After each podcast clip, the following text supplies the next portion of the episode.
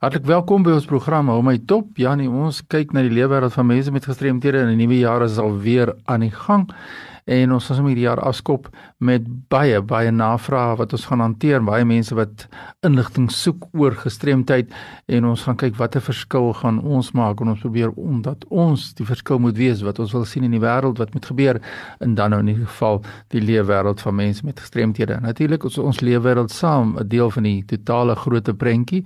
Ons is nie 'n aparte gemeenskap nie ons is deel van die breë gemeenskap en so wil ons graag hanteer word as mense wat 'n integrale deel is wat al wat ons vra is gelyke geleenthede vir mense met gestremdhede. Dit is nie geskenke wat uitgedeel moet word nie. Elke persoon wat byvoorbeeld aansoek doen vir 'n werk as 'n persoon 'n persoon met 'n gestremdheid is, wil ons graag sien dat daardie persoon net 'n gelyke geleentheid in hierdie jaar 2020 kan ontvang. Gelyke geleentheid beteken natuurlik verskillende mense met verskillende forme van gestremdheid en natuurlik soos ons nou in baie in die verlede al genoem het, ons het vyf verskillende forme van gestremdheid en ons sal weer in hierdie jaar so 'n bietjie kyk na elke vorm van gestremdheid en 'n bietjie meer leer met mense gesels wat geraak word deur die verskillende forme van gestremdheid en seker te maak wat daar misverstande is rondom die begrip van gestremdheid. Ons kyk byvoorbeeld na sensoriese gestremdheid, dis nou die gestremdheid wat waarby ek regstreeks geraak word sensories. Nou ja, vir sensories beteken dit nie net gehoorverlies nie. Dit beteken nie net tas nie, dit beteken nie net smaak en proe. Dit is nie wat dit is ook mense met sigverlies, so daar's 'n verskeie forme van toestande wat as dit so kan noem binne die kategorie sensories. En ons moet 'n bietjie kyk, wanneer is dit 'n verlies en wanneer het iemand nou net 'n uh, verlies in daardie spesifieke gestremdheid of in daardie spesifieke toestand en wanneer is daardie verlies dan nou 'n gestremdheid? Want baie vrae kom na vore soos iemand wat skryf, ons praat baie oor kommunikasie. Nou wat beteken kommunikasie in terme van die wetgewing? Dis baie lekker om te gesels daaroor. Ja, kommunikasie kommunikasie is 'n wye konsep, maar dit sluit onder andere in as 'n mens kyk na die wetgewing, as kyk na die Verenigde Nasies se konvensie oor die regte van persone met gestremthede, ons kyk na die wetskrif oor die regte van persone met gestremthede wat in Suid-Afrika van toepassing is.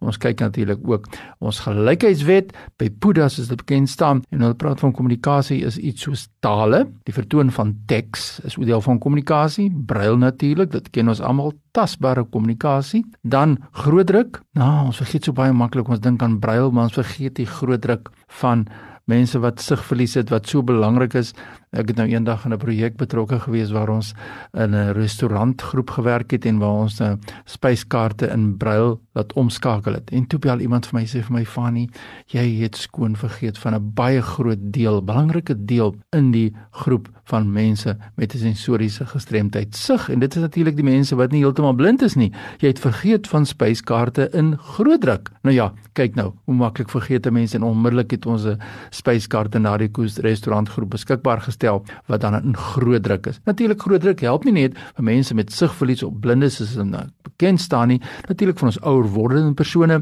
mense wat later sig verloor, natuurlik is groot druk ook baie belangrik. Dan natuurlik kommunikasie sluit ook in om hierdie vraag te beantwoord wat is kommunikasie? Toeganklike multimedia natuurlik en sowel as skriftelike of hoorbare eenvoudige taal menslesers aanvullende en alternatiewe wyse van kommunikasiemetodes dis sluit dit alles natuurlik in. En as ek dan kan afsluit op hierdie vraag toeganklike inligting en kommunikasie tegnologie nou ja Wat is tegnologie? Wat is kommunikasie tegnologie? Hoe lyk die toegang vir ons mense met gestremthede in terme van byvoorbeeld die televisie? Ja, so is die saak kommunikasie natuurlik iets wat hierdie persoon baie na aan die hart lê. En dan vra iemand spesifiek dan op hierdie vraag is baie interessant. Ons praat nou van kommunikasie en iemand sê, "Maar wat word verstaan onder tale as 'n mens nou kyk na persone met gestremthede?" En dit is gesproke en deur middel van gebaretale en ander forme van nie gesproke tale wat dit insluit. So daar's baie om te dink oor kommunikasie en tale.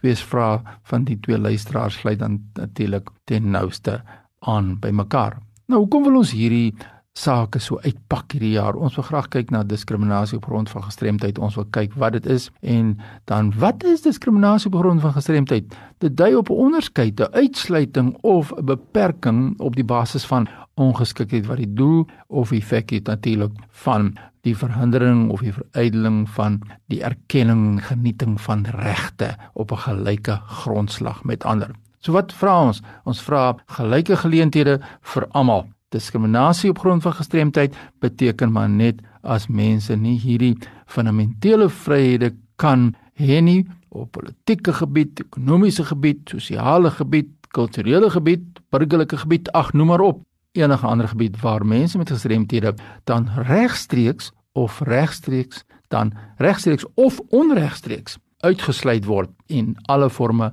van diskriminasie natuurlik is natuurlik ook die ontsegging van redelike aanpassings. Dis natuurlik ook 'n vorm van diskriminasie op grond van gestremdheid. Nou kom ons kyk nou net na die laaste punt voor ons afsluit vandag se gesprek. Wat is hierdie ontsegging van redelike aanpassings? Natuurlik as jy byvoorbeeld werksaam is by 'n plek of jy doen aansoek vir 'n werk by 'n werkgewer en jy wil jou um, sessie daar gaan hê met die beampte en mense sê vir jou jammer, maar ons kan nie die onderhoud met jou doen maar so op die eerste vloer van die gebou en daar's ongelukkig net 'n trap of trappe na bo. Ons is nie bereid om daardie kamer dan te skuif na die grondvloer nie. Nou dit is wanneer dit regstreekse diskriminasie is. So alles is in die wetgewing in die wetskrif en ons gaan gesels weer by 'n volgende keer verder oor hierdie baie belangrike saak. Groetens tot volgende keer.